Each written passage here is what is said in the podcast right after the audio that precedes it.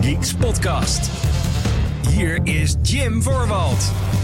Hallo mede Gamer Geeks, wat leuk dat je luistert naar de Gamer Geeks podcast, de talkshow van Gamer Geeks, waarin ik en heel soms een andere geek je graag bijpraten over hetgeen wat speelt in en rondom de gaming-industrie. Ik ben Jim dus, wat leuk dat je luistert naar deze 236e aflevering van de show. Datum van opname is uh, 22 december 2023. Alvast fijne dagen allen. Uh, en uh, mocht ik je ook niet meer spreken voor het nieuwe jaar. Uh, nou ja, gelukkig nieuwjaar alvast. 2024 komt eraan. Ik was toevallig afgelopen week was ik um, een beetje aan het kijken wat er aankomende drie maanden allemaal uitkomt. Want ik dacht, hey, 2023 zat zo ontzettend vol met, met grote releases dat het, het kan bijna niet zo zijn dat 2024 net zo druk gaat worden. Nou, jeetje mina, het was, ik, ik, schrok er gewoon van toen ik het allemaal even op een rij ging zetten. Ik bedoel, um, even kijken hoor. Kijk, kijken of ik dat lijstje hier ergens um, tevoorschijn kan halen. Ja, en dit zijn slechts een paar games die uitkomen. Die enige significance hebben. Uh, even kijken hoor. Prince of Persia The Last Crown op 18 januari. Another Code Recollection op uh, 19 januari. The Last of Us Part 2 op uh, Remastered 19 januari. Tekken 8 26 januari. Like a Dragon Infinite Wealth. Suicide Squad Kill the Justice League op 2 februari. Helldivers 2. Banishers Ghost of New Eden. Tomb Raider 1 tot en met 3 Remastered. Mario vs. Donkey. Skull and Bones. Final Fantasy 7 Rebirth. The Outlast Trials. Alone in the Dark. Dragon's Dogma 2. Princess Peach Showtime. En Rise of the Ronin. Dat is slechts een handjevol games die in het eerste kwartaal van 2024 gaan uitkomen. Holy hell, wat wordt het een druk jaar. Uh, maar uh, ja, wellicht... Ik, ik weet trouwens ook niet of dit de laatste aflevering van 2023 wordt voor dit jaar. Kan zomaar zijn. Als dat wel zo is, gelukkig nieuwjaar. Um, maar ik bedoel, er, is zoveel te bespreken omtrent uh, 2023... dat het uh, ook wellicht toch wel leuk is om een soort van terugblik aflevering te doen. Wellicht met nog wat um, awards die de Game Awards misschien had moeten uitdelen. En dan gaan wij die dan uh, spiritueel doen. En ik bedoel dan ook wel wij, want dat zou wel leuk zijn als ik... Daar een medegeek voor kon strikken daadwerkelijk. Mocht je deze show overigens leuk vinden, in wat voor vorm dan ook... Of het nou in 2023 was of in 2024. Uh, uh, abonneer je op deze show. Dat kan via jouw favoriete podcastdienst. Bijvoorbeeld op Apple Podcast of Spotify. Mocht je via een van die twee diensten luisteren. Ik zou zeggen, laat ook meteen een recensie achter. Want daar help je de show algoritmisch gezien heel erg mee. Uh, we staan er eigenlijk best goed voor. 4,9 op Apple Podcast, out of 5. En een 4,7 op, op Spotify. Dus dat zijn over het algemeen hele positieve recensies. Dank daarvoor.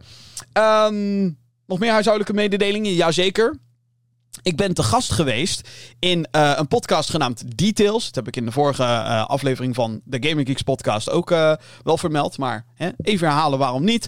aflevering nummer 351 van Details, daar ben ik in te vinden. Dat is een Disney podcast met onder andere Michiel Veenstra. Um, en daar heb ik het over Disney Interactive en Disney Games. En de geschiedenis van de studio slash uitgever. Uh, waarom dat uiteindelijk weg is gegaan. Waarom ze terug zouden moeten komen.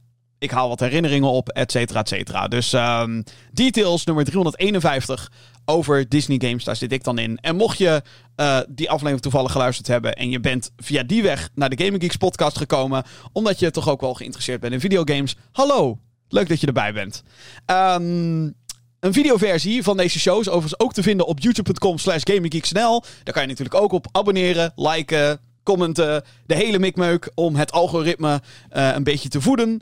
Uh, nogmaals, doe dat vooral, want daar steun je de show ook gewoon mee. En daar staat een nieuwe video op dat YouTube-kanaal, namelijk drie jaar PlayStation 5. Uh, elk jaar heb ik een video gemaakt over, hey, hoe was het eerste jaar van PlayStation 5, hoe was het tweede jaar? En nu, hoe was het derde jaar voor de PS5? het is vaak ook wel een beetje industriewijd, maar dan echt met een focus op PlayStation. Wat heeft PlayStation allemaal gedaan? Um, is het goed geweest voor uh, Sony, PlayStation? Is het goed geweest voor de gaming-industrie? Etcetera, etcetera. Um, die video staat online. Is ook best wel een lange geworden, want er is veel gebeurd het afgelopen jaar als het gaat om PlayStation. Um, niet, gek genoeg niet zozeer omtrent exclusieve games. Uh, want zoveel daarvan waren er niet. Sterker nog, als je het hebt over exclusieve games die gemaakt zijn door PlayStation Studios, dan uit mijn hoofd is het er eentje. En dat is Marvel Spider-Man 2. En het DLC reken ik even niet mee. Want Horizon had DLC. God of War heeft een gratis update gehad. Uh, of nou, gratis DLC kunnen we wel stellen. De, term update is daar voor veel te, veel te kleinerend, zeg maar. Uh, maar check dus youtube.com slash. En mocht je dat al wel doen en je kijkt het nu al op YouTube. Hallo YouTube. Ik zwaai even naar je. Ehm, check dan na deze podcast vooral die video. Want nou, als je van mijn getetter houdt over videogames, dan is die video ook zeker geschikt met een runtime van meer dan 40 minuten. God, wat een content allemaal, jongens. Oké, laat ik de show beginnen met een, ehm, een triest bericht. Een bericht waar ik ehm, even van schrok toen ik het las. En uh, ja, dat je toch een soort van momentje van realisatie hebt van... Jeetje, wat is de wereld toch cru. En uh, we mogen er blij zijn dat we er nog mogen wezen, zeg maar. Uh, want James McCaffrey is overleden. Hij verloor de strijd tegen kanker en is slechts 65 jaar geworden. Binnen gaming staat de acteur vooral bekend als stemacteur van Max Payne. Hij vertolkte de, de de detective, de, de politieagent in Max Payne 1, 2 en 3. Uh, eh, daarnaast vertolkte hij Edward Carnby in de Alone in the Dark reboot uit 2008. Speelde hij ook Zachariah Trench in Control. En recentelijk uh, nam hij de rol aan van Alex Casey in Alan Wake 2. Dus um, heel veel betrokken geweest bij Remedy dus vooral. Die Max Payne maakte en Control en Alan Wake. en Alan Wake 2 dan ook. Um, en het is heel erg uh, treurig dat hij er niet meer is. 65 jaar nogmaals. Veel te vroeg. Veel te jong gestorven. Heel erg treurig. En ik vraag me ook oprecht af of, zij, of ze zijn ja, ja, bandjes gaan gebruiken, zeg maar. Of ze zijn stem gaan gebruiken in de Max Payne remakes. Of dat die nu gerecast gaat worden. Want um, ja, dat, de, de, Remedy is bezig met een remake van Max Payne 1 en 2. En ik kan me zo voorstellen dat Remedy niet alleen maar de graphics gaat verbeteren. Ik denk dat er ook wel gameplay veranderingen in komen en zo. Ik zie Remedy er heel erg voor aan om zeg maar te zeggen: oké, nou. Hè, en zeker Sam Lake, de, de schrijver, zeg maar, en ook het gezicht, letterlijk gezicht van Max Payne. Die, uh, die zit waarschijnlijk in zijn handjes te vrij van: nou, dan kunnen we allemaal story dingen gaan uh, toevoegen. Althans, ik weet natuurlijk niet of dat zo is, maar dat lijkt mij ergens logisch als hij dat zou doen. Uh, en als dat zo is, dan kan James McCaffrey dus niet Max Payne meer doen. Althans, de stem niet. Dus dat is wel. Uh, ik vraag me af wat ze daarmee gaan doen. Maar het is vooral treurig nieuws. En daar wilde ik eventjes bij stilstaan. Goed, voordat ik in mijn eigen playlist ga duiken en nieuws, het belangrijkste nieuws van de afgelopen week, vind ik het leuk om altijd even te duiken in kort nieuws. Uh, nieuws waar, die, nog, die wel noemenswaardig is, noemenswaardig is, maar waar ik niet heel veel commentaar op heb verder. Allereerst, uh, er gaan story spoilers rond wat betreft Suicide Squad Kill the Justice League. Uh, Rockstar, die heeft al... Of Rockstar, hoor mij nou. Um, God, hoe heette ze nou? Niet Rockstar. Hoe heette die... Oh my god. Waarom heb ik hier Rockstar opgeschreven in mijn, in mijn draaiboek? Dat is stom. Um, Rocksteady, dat is hem. Wauw. Ik, ik corrigeer het hier in mijn documenten wat ik het al heb gezegd. Dus daar heb je helemaal verder niks aan. Uh, nee, Rocksteady die heeft gereageerd op het feit dat er story spoilers rondgaan. En die zijn vooral teleurgesteld dat dat gebeurt. Ik heb geen idee. Ik heb het een beetje vermeden. Um, sowieso, Suicide Squad Kill the Justice League is dus een game die op 2 februari uitkomt. Uh, voor PS5, Xbox Series en PC. En daarin speel je dus als een van vier leden van de Suicide Squad. Uh, uit mijn hoofd Harley Quinn, Deadshot, Captain Boomerang of King Shark. Zo heet hij toch? Die high. Hand. In die uh, Suicide Squad film. De tweede door James Gunn. Die echt geweldig is.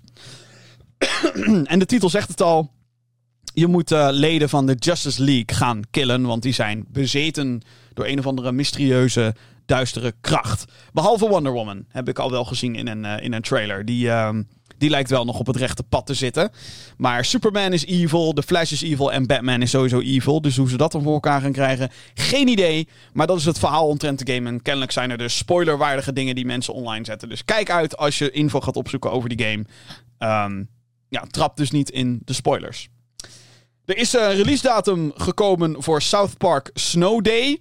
Dat is een actie-RPG gebaseerd op de geanimeerde serie. Die wordt niet gemaakt door Ubisoft, maar wordt gemaakt door een studio uh, gelineerd aan THQ Nordic. Uh, de game verschijnt op 26 maart voor alle platforms, als in PC, Switch, PS4, PS5, etc. Gaat slechts 30 euro kosten. En met dat laatste, uh, dat geeft wel een beetje meer weer met wat voor type game het is.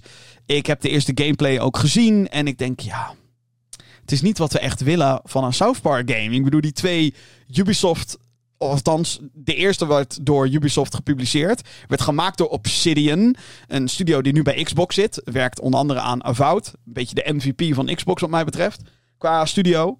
Uh, de tweede werd door een Ubisoft-team gemaakt, maar beide waren ze geweldig. Van die RPG's, Allebei hadden ze een ander gimmick. De Stick of Truth was fantasy georiënteerd. En die Fractured Butthole was uh, een soort van parodie op uh, de Marvel-helden. Uh, wat ook in de animatieserie gebeurde overigens. Zowel de fantasy als de Marvel-helden. Maar um, ja, ik heb de tweede niet gespeeld. Maar van wat ik heb gehoord is dat het echt super leuk is. En de humor is on point. En de Stick of Truth vond ik fantastisch. En dit is weer, dit is compleet wat anders. De artstijl is ook niet South Park. Het is South Park gerenderd in 3D. Waardoor je een beetje de vibe krijgt van die oude Nintendo 64 en PlayStation 1 spellen. Niet per se iets wat ik zoek binnen een South Park game. Want het was juist tof dat die twee Ubisoft games. dat die letterlijk de stijl hadden van het televisieprogramma. Dat, dat, het was echt gewoon alsof je een speelbare episode uh, aan het meemaken was. En dat was te gek. Dus uh, niet iets waar ik me per se heel erg op verheug. Uh, maar goed, wat ik al zei, 30 euro scheelt dan wel weer. Het is, we vragen er niet vol price voor in ieder geval. Uh, dan als laatste nieuwtje. Uh, de 18-jarige jongen die de servers van Rockstar Games heeft gehackt. Nu heb ik het wel goed. Uh, en GTA 6 lekten. met al die beelden die toen verschenen. En een oude beeld en stukken source code van GTA 5 en GTA 6. Die is veroordeeld. Ja, die werd aangeklaagd en veroordeeld tot levenslang TBS. En moet zes maanden de cel in. Daarna wordt hij vrijgelaten en moet hij op controle voor de rest van zijn leven moet hij terugkomen. Tenzij er waarschijnlijk weer een appeal tegenkomt of whatever. Ja, um, heftige straf vind ik. Heel Amerikaans wat hier gebeurt. Um, ja, ik weet niet of, of, het, of dit de juiste straf is. Ik weet ook niet. Ik weet ook de details van deze zaak niet eigenlijk. Wat ik wel weet is dat er heel veel bullshit headlines het internet over gingen. Die zeiden: Oh, uh, hij krijgt levenslang. Hij moet levenslang achter de tralies verdwijnen. Nou, dat is, dat is bullshit. Dat gebeurt niet. Maar hij is wel veroordeeld tot levenslang. Basically TBS. Ja, ook niet echt TBS. Laat ik het zo zeggen: hij moet zes maanden te snel en daarna moet hij elke keer terugkomen. Als zijnde van: Hey, ik ben een good guy nog steeds hoor. Het is, um, ja. Ik vind, het, ik vind het te heftig, deze straf. Ik, uh, ik weet niet. Ik bedoel, ja, hij heeft iets gedaan wat niet mocht. Absoluut. Hij, heeft, hij, heeft, hij is soort van digitaal ingebroken bij servers. Heeft daar data gejat die hij niet mocht hebben. En die hij zeker niet mocht verspreiden. Dat heeft hij gedaan. Maar serieus, zes maanden de cel in en worden je leven lang gewoon getekend. Ja, ik bedoel, ja. Ja, dat. Dat eigenlijk. De playlist. ik heb er verder ook niet echt commentaar op of zo, maar... Behalve dat ik het heftig vind. Oké, okay. De playlist. Wat um, moet je wellicht gaan spelen? Wat ben ik aan het spelen? Wat raad ik aan en wat vooral niet? Ik heb een aantal games op mijn lijstje staan. Allereerst... En ik weet dat sommigen mij nu gaan uitlachen. En nou don't give a shit. Fortnite.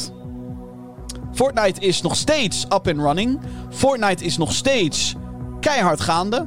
Zij hebben uh, een. Hoe noem je dat? Een, een OG-season gehad. Waarbij ze het, uh, de, uh, een versie van de oude map, oude level. Weer uh, zeg maar online hadden gegooid. En daar ging iedereen in spelen. Inmiddels is er, zijn er een aantal grote updates geweest. De voornaamste uh, grote update is Chapter 5 Season 1. Dus de map is weer hernieuwd. Er zijn weer een aantal mechanieken bijgekomen in de Battle Royale game. Um, ik moet zeggen dat ik dat ook wederom het meeste speel. In Zero Build mode. Fuck dat bouwen. Ik vind daar echt helemaal geen reet aan. Maar um, dat... Uh, ja, ik vind dat eigenlijk best wel weer vermakelijk. Aan het genieten van... Uh, voornamelijk bots kapot schieten en dan net die ene speler tegenkomen en dan helemaal uh, ja, geklapt worden. Maar um, nee, ik, uh, ik, ik zit er wel weer, wel, wel weer lekker in in die game, moet ik zeggen. Ik vind dat heel veel mechanieken weer goed werken. Ik vind dat het. de game blijft gewoon heel erg vermakelijk en houdt je bezig. Onder andere door de manier hoe de Battle Pass werkt. Dat natuurlijk wel. Er is weer een Battle Pass waarin je weer gekke items kan, kan verdienen. Waaronder nu een buff versie, een gespierde versie van Peter Griffin uit uh, Family Guy. Is nu een van de grote Battle Pass rewards. Uh, dus dat houdt uh, de gemoederen bezig. Het zo zeggen. Um, en ja, wat ik al zei, ik vind het weer heel erg leuk om te spelen. En ik, ja, zeker als er dan vrienden online zijn en je gaat in een squad, ga je lekker, eh, ga je lekker klooien. I love it. Zeker omdat de game nu nog meer de nadruk legt op computergestuurde vijanden die in het level zitten. Uh, je hebt een aantal locaties waar gewoon een boss-character zit. En die kan je kapot knallen. En sommige daarvan hebben een medaillon. En als je dat medaillon equipt, dan krijg je continu shields. Uh, dus hoef je geen potions meer te drinken om je shield uh, te, te, bij te houden, zeg maar. Maar, nadeel, nadeel, nadeel. Als je zo'n medaillon geëquipt hebt, dan krijg je, komt er een cirkel op de map die eigenlijk tegen iedereen zegt: Hij is hier, hij is hier. Dus dat, dat, soort, dat soort dingen zijn er, zijn er weer gaande. Um, dus, en ik vind het wel leuk. Weer een refresh van de kaart. Weer een refresh van de wapens. Oh ja, dat ook. Er zijn nu weapon mods in de game. Dus je kan een beetje à la Call of Duty kan je zeggen... ik wil deze scope erop. En ik wil deze upgrade op mijn clip. En ik wil, uh, uh, weet ik veel, minder recoil. Maar dat hij niet zo snel schiet. Of dat hij sneller schiet. Of dat soort dingen. Um, niet heel diep gaan dat systeem. Het is geen Call of Duty loadout systeem. Dat zou wel heel erg heftig zijn als dat het geval was. Maar wel weer een extra, een extra laagje die er bovenop is gekomen. En um, ik blijf onder de indruk van hoe vaak deze game uh, zichzelf blijft vers houden. Door middel van onder andere updates. En uh, nu is er bijvoorbeeld ook weer een winter-kerstding gaande in de game. Um, er, komt, er gaat geen week voorbij als er, of er wordt wel wat toegevoegd aan, aan Fortnite. De Battle Royale game. Wat ontzettend indrukwekkend is. Maar als je het nieuws hebt gevolgd, dan weet je wellicht dat er meer is toegevoegd dan alleen maar een Battle Royale. Een aantal nieuwe modes zijn erbij gekomen wat betreft Fortnite. En de eerste, dat is een festival mode. Het is eigenlijk gewoon Guitar Hero slash Rockband. Het is ook gemaakt door het team wat ooit die games maakte, Harmonix. Die heeft Epic een aantal jaren geleden hebben ze die overgekocht. Uh, toen zeiden ze van, hey, dit, dit doen wij uh, zodat zij uh, muzikale ervaringen kunnen creëren binnen Fortnite. En toen ging iedereen, inclusief ikzelf, er eigenlijk vanuit dat dat puur en alleen zou gaan om van die ja, digitale, virtuele concerten, korte concerten die je kan meemaken binnen Fortnite. Maar ze hebben dus ook aan Fortnite Festival gewerkt. Een soort van rockband Guitar Hero. In alle eerlijkheid, ik heb het nog niet uitgeprobeerd. Moet ik nog wel doen. Um, maar het is heel interessant. Zeker omdat er geruchten rondgaan dat Epic Games van plan is om daadwerkelijk plastic instrumenten uit te brengen voor Fortnite Festival. Wat dus in feite zou betekenen dat je eigenlijk gewoon dat we eigenlijk een, een nieuwe rockband slash guitar hero krijgen. Um, en dan zou het dus inderdaad gaan om een plastic gitaar. Die bijna hetzelfde werkt als de oude Guitar Hero controllers. En daar kan ik eigenlijk alleen maar enthousiast over worden. Ik weet niet in hoeverre het leuk is om een ritme game te doen die heel erg lijkt en, en voelt en, en, en kennelijk ook nou ja, speelt als Guitar Hero Rock Band. Uh, maar dan zonder het instrument. Want dat maakte de games wel. Je kan Guitar Hero op Xbox 360 of whatever. Kan je trouwens gewoon spelen met een controller. Maar ja, wat, wat is daar de lol aan? Dus hmm, ik ga het wel nog een keer uitproberen. Maar um, ja, het, het, lijkt me nog niet heel erg boeiend. Maar ze hebben hier wel echt grootse plannen voor. Ook omdat je in de Fortnite Store al een aantal nummers kan kopen. Die je dan dus kan spelen. Dus ja, dat belooft wat. Dat belooft wat. Um, een andere mode die erbij is gekomen is Rocket Racing. Dit wordt dan weer gemaakt door Psyonix, het team achter Rocket League. En dit is eigenlijk gewoon een arcade racer binnen Fortnite. Met turbo boosts en, en, en, en drifting en, en verschillende circuits en noem het maar op. Ook een aparte stand binnen Fortnite met aparte quests, aparte dailies en dat soort dingen. Aparte rankings ook en zo. Holy hell. Waar gaat Fortnite heen? Um, bizar dat die motor in zit. Ik heb daar wel eventjes mee lopen klooien met die Rocket Racing mode. Vond het... Ik vind het geinig. Leuk. Um, maar ik merk dat ik alleen nog maar amateur circuits heb gehad die... Ja, misschien één of twee bochten hebben. En één turbo boost ergens. En, en voor de rest vooral een hele rechte lijn. Dus ik heb ook het idee dat ik um, daar ook vooral tegen NPC's en bots heb zitten spelen. Want de manier hoe ik daar eerste werd bij een aantal races, dat. Um, ik weet niet, sus. ik denk niet dat. Uh, dat daar heel veel uh, weerstand... Er zat niet heel veel weerstand in, laat ik het zo zeggen. Of het waren mensen die de controls aan het uitproberen waren. Dat kan ook natuurlijk. Um, maar ja, dat. En dan is er nog eentje. Ja, er is nog meer toegevoegd. Je hebt je vast wel uh, wat over gehoord als je het internet een beetje hebt afgezocht. Er is ook een Lego Fortnite mode. Ja, de ultieme crossover is hier. Lego en Fortnite. En wat het in essentie is, is een survival game. Je wordt in een grote uh, random generated map wordt je, uh, neergezet. En uh, je doel is om resources te verzamelen. Dus als je een boompje omhakt, dan uh, krijg je hout. Dan kan je vervolgens een pickaxe mee craften. En daar kan je er weer stenen mee slaan. En dan krijg je weer granite. En daar kan je dan weer andere dingen mee bouwen. En zo kan je een dorpje neerzetten. Kampvuurtje erbij. Crafting benches overal erbij. Um, huisjes kan je bouwen. En het is heel erg indrukwekkend, vind ik het. Niet zozeer indrukwekkend als survival game. Want het heeft exact dezelfde basiselementen van bijvoorbeeld een Don't Starve of een Ark of een Rust of noem ze allemaal maar op. Uh, survival games waarin je kan craften.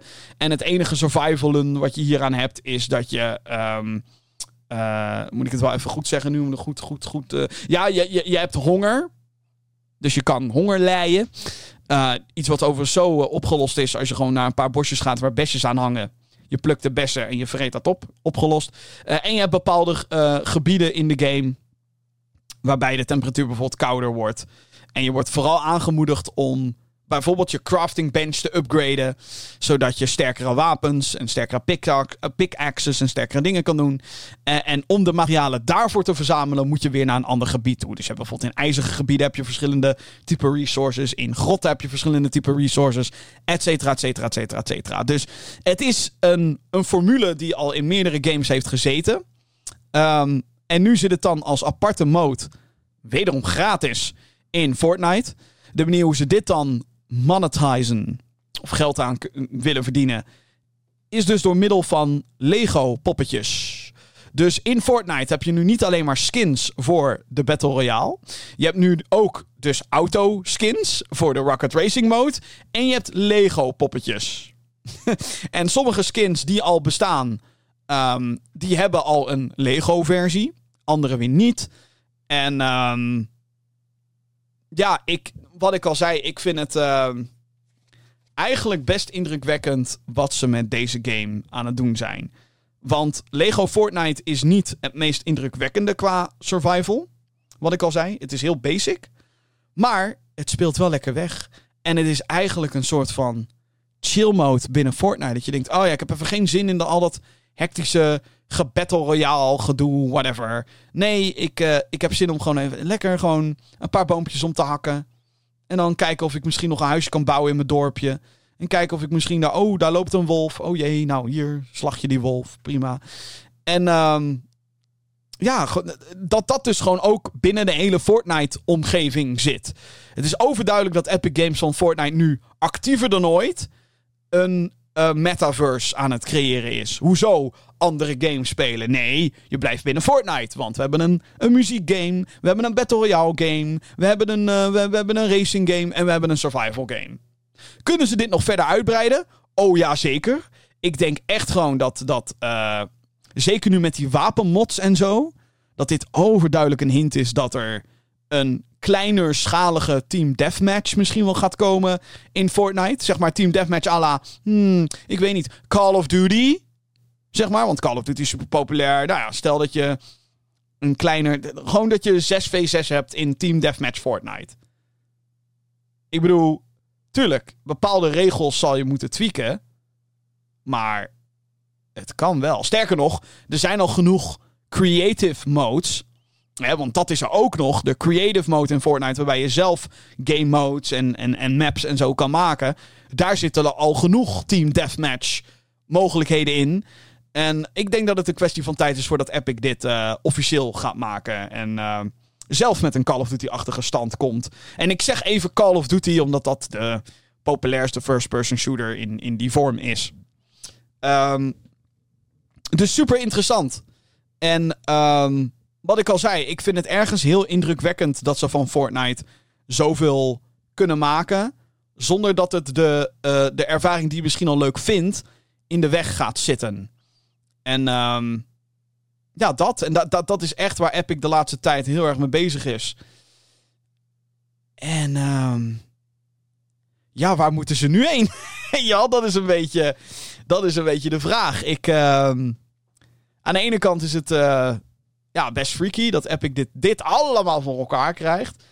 Aan de andere, andere kant denk ik, ja, waarom niet? Want wat ze heel slim doen is dat de Battle Pass die je haalt, uh, daar kan je ervaring voor verdienen in alle modes. En um, wat ik al zei, de Rocket Racing heeft een aantal quests voor Fortnite festival, muziekdinges. Heb je al een aantal quests die je kan doen. Dus nu vooral als aanmoediging om het op te starten.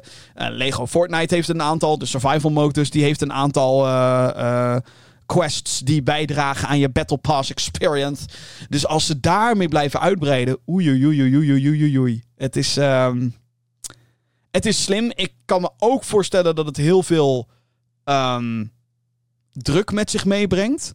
Want als je nu bijvoorbeeld een skin aan wil bieden in de winkel van Fortnite, dan moet er dus onderscheid gemaakt worden tussen um, ja, de, de, een normale skin, een skin voor Lego. Je kan eventueel ook nog een auto. En dat, ik bedoel, wanneer wordt het te veel? Is dan de vraag. En ik weet het, Epic Games doet niet aan terughoudendheid en uh, hoezo te veel. Ben je gek? Uh, wij gaan gewoon, uh, we gaan all in. Heel benieuwd waar dit naartoe gaat. Maar wat ik al zei, ik ben wel aangenaam verrast door de kwaliteit. En hoe ze het voor elkaar krijgen om, om het allemaal maar gewoon te lanceren. Met her en der wel een paar kleine issues. En wat ik al zei, Lego Fortnite is niet het meest diepgaande, meest baanbrekende. Maar ja, dit is pas versie 1, zeg maar. Dit is nog maar. Dit is het begin van alles. Dus uh, zwaar onder de indruk van Fortnite. En vind het heel leuk om te spelen. Althans, met name dan nog steeds de Battle Royale. Het lijkt mij dat dat uh, ook dominant blijft. Maar met, uh, met deze uitbreidingen willen ze zoveel mogelijk mensen bereiken. En ik denk dat dat wel. Lijkt me dat dat ook wel lukt. En dat, dat, dat ze daarin slagen. Dus zeer, zeer mooi, zeer indrukwekkend. Andere games die ik aan het spelen ben. Uh, Super Mario RPG ben ik nog steeds mee bezig op de Nintendo Switch. Een remake van een Super Nintendo game die ik, um, waar ik heel veel nostalgische herinneringen aan heb. Ik vind de game echt te gek. Um, ja, je speelt hierin als Mario in een RPG-setting. Uh, in 1996 kwam de game van origine uit op de Super Nintendo, gemaakt door Square Enix. En het is heel leuk in deze remake-vorm. Het is eigenlijk een grafische update op, uh, op, op de game. Ze hebben heel veel dingen hebben ze hetzelfde gehouden. Kleine tweaks her en der. Uh, wat kleine quality of life features.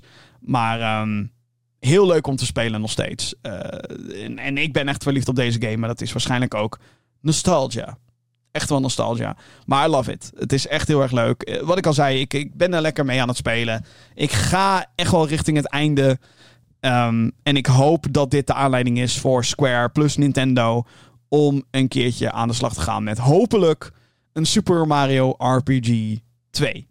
Dat ze daar weer een keertje mee gaan komen. En dat is, komt ook omdat de characters in Super Mario RPG, dat is echt het, het beste. En um, ja, ik, ik, hoop dat ze daar weer een keer mee gaan komen. Maar dat is allemaal afwachten. Um, ik bedoel, volgend jaar komt ook al Paper Mario The Thousand Year Door. Uh, dus je merkt wel dat Nintendo aan het kijken is van... Goh, hoeveel, hoeveel trek hebben de gamers in, uh, in de Super, in Super Mario RPG games? En, en wat er daarna wat mij betreft gaat gebeuren... is een Mario en Luigi game. Um, nadeel daarvan wel is dat ze de studio achter de originele Mario en Luigi games hebben gesloten omdat die te vaak uh, mm, niet goed scorende titels hadden gemaakt. Althans, qua verkoopcijfers. Maar zeker wat betreft de laatste. Uh, dat was volgens mij een remake van Mario en Luigi, de eerste. Superstar Saga. Uh, die kwam uit op de 3DS, terwijl de Switch er ook al anderhalf jaar was. En ik weet niet of dat... Dat, dat was geen slimme, dat was geen slimme zet. Dus um, dat is wel jammer. Maar uh, Super Mario RPG, hartstikke tof. Als je, ook als je niet heel erg into RPG's bent. Of je denkt van bijvoorbeeld een Final Fantasy 7 of van weet ik veel, een Dragon Quest of van een Dragon's Dogma of, of, of, of een Persona. Misschien wel Baldur's Gate dat je denkt, oef, dat is wel allemaal wel hardcore hè? en zo. Super Mario RPG is wat dat betreft een perfecte instapgame om in het genre te komen van turn-based RPG's. Met name turn-based RPG's, want dat is wat Super Mario RPG is. Um, dus dat, uh, dikke aanrader. Nogmaals, dikke aanrader. Love it. Andere game die ik nog op zit te spelen, ja, sorry, ik heb heel veel gespeeld, um, is The Finals. Dit is te gek. Dat, te gek. Uh, dat ten eerste. Um, het is een multiplayer game. Een multiplayer shooter. Um, gemaakt door een aantal uh, mensen die voorheen bij uh, DICE hebben gewerkt. Dat is de studio achter Battlefield. Die feeling krijg je wel echt van de game. En het is een multiplayer shooter die is uitgebracht op PC, PlayStation en Xbox. En daarin speel je in teams van drie. En um, het is een soort. Ja, het is allemaal in de setting en in de sfeer van een spelshow. waarbij het meestal gaat om Oh, je hebt geld. Of hier is een valt. En die moet je overnemen. Dus pak de valt en breng dat vervolgens naar een cash-out. En dan moet je dat, die cash-out zien te verdedigen. En dan kunnen andere teams kunnen het jatten. Het is vaak 3v3v3. Uh, en in sommige modes is het 3v3v3v3. Vier teams van drie.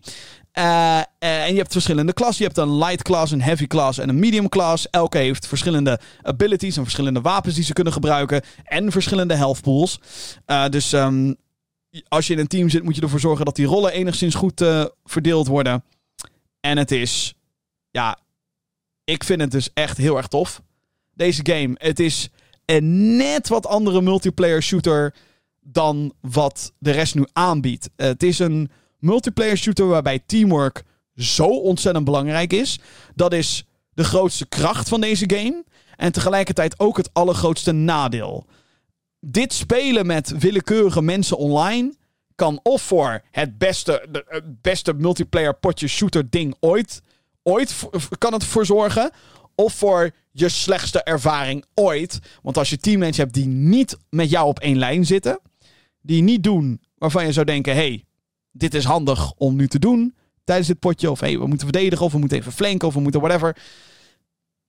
Als dat niet lekker loopt, dan kan ik me zo voorstellen dat dat leidt tot scheldpartijen. Um, maar als het wel lekker loopt, lees, als je dus met een aantal vrienden hier gaat teamen, dan is het zo ontzettend fijn om uh, hiermee aan de slag te gaan. De game uh, werkt goed, is um, ontzettend dynamisch in zijn gameplay, ziet er fucking goed uit.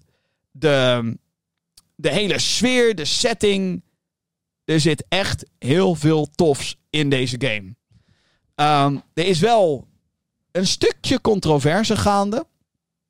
En dat stukje controverse heeft uh, te maken met de announcers. Want het wordt dus als een soort spelshow neergezet. Van, oh, daar gaan ze. En elk team krijgt, een, uh, krijgt ook een random naam. Um, en het is van, oh, daar gaan we weer, mensen. De, de, de, weet ik veel. De showstoppers gaan nu naar de vault.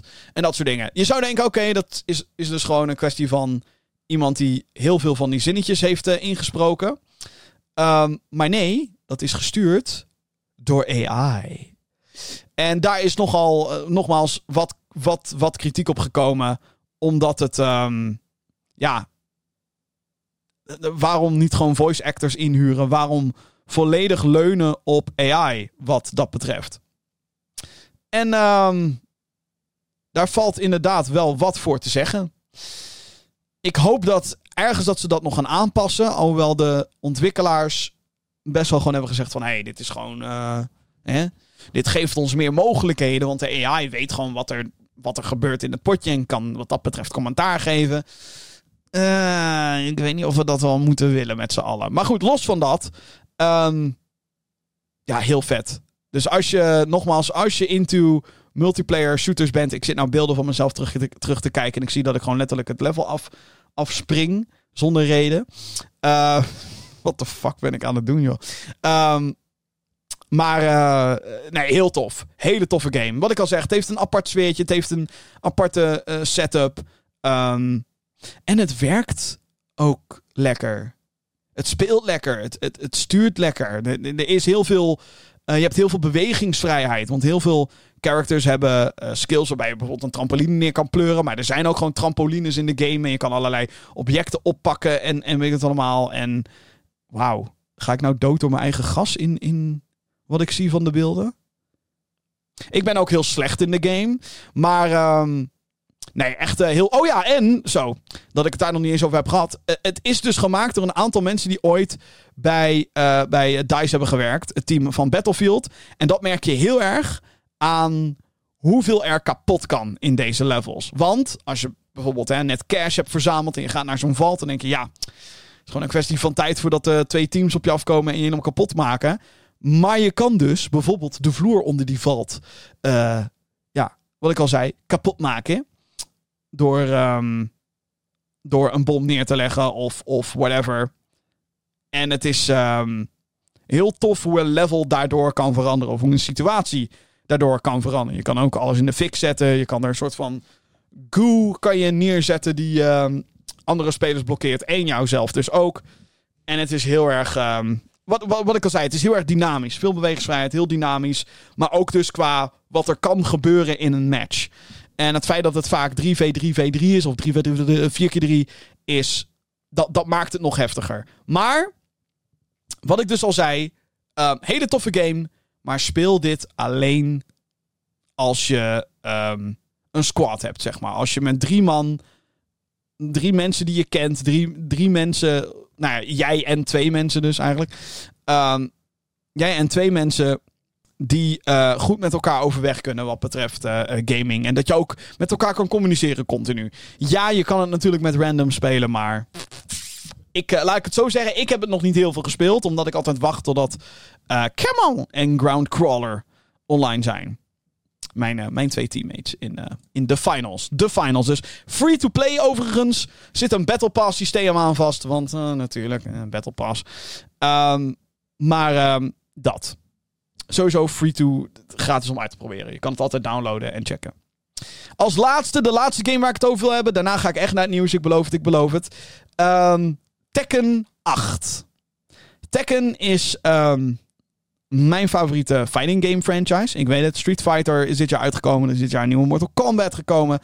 Um, allemaal hele toffe dingen. Maar um, ja, mijn favo blijft toch wel Tekken.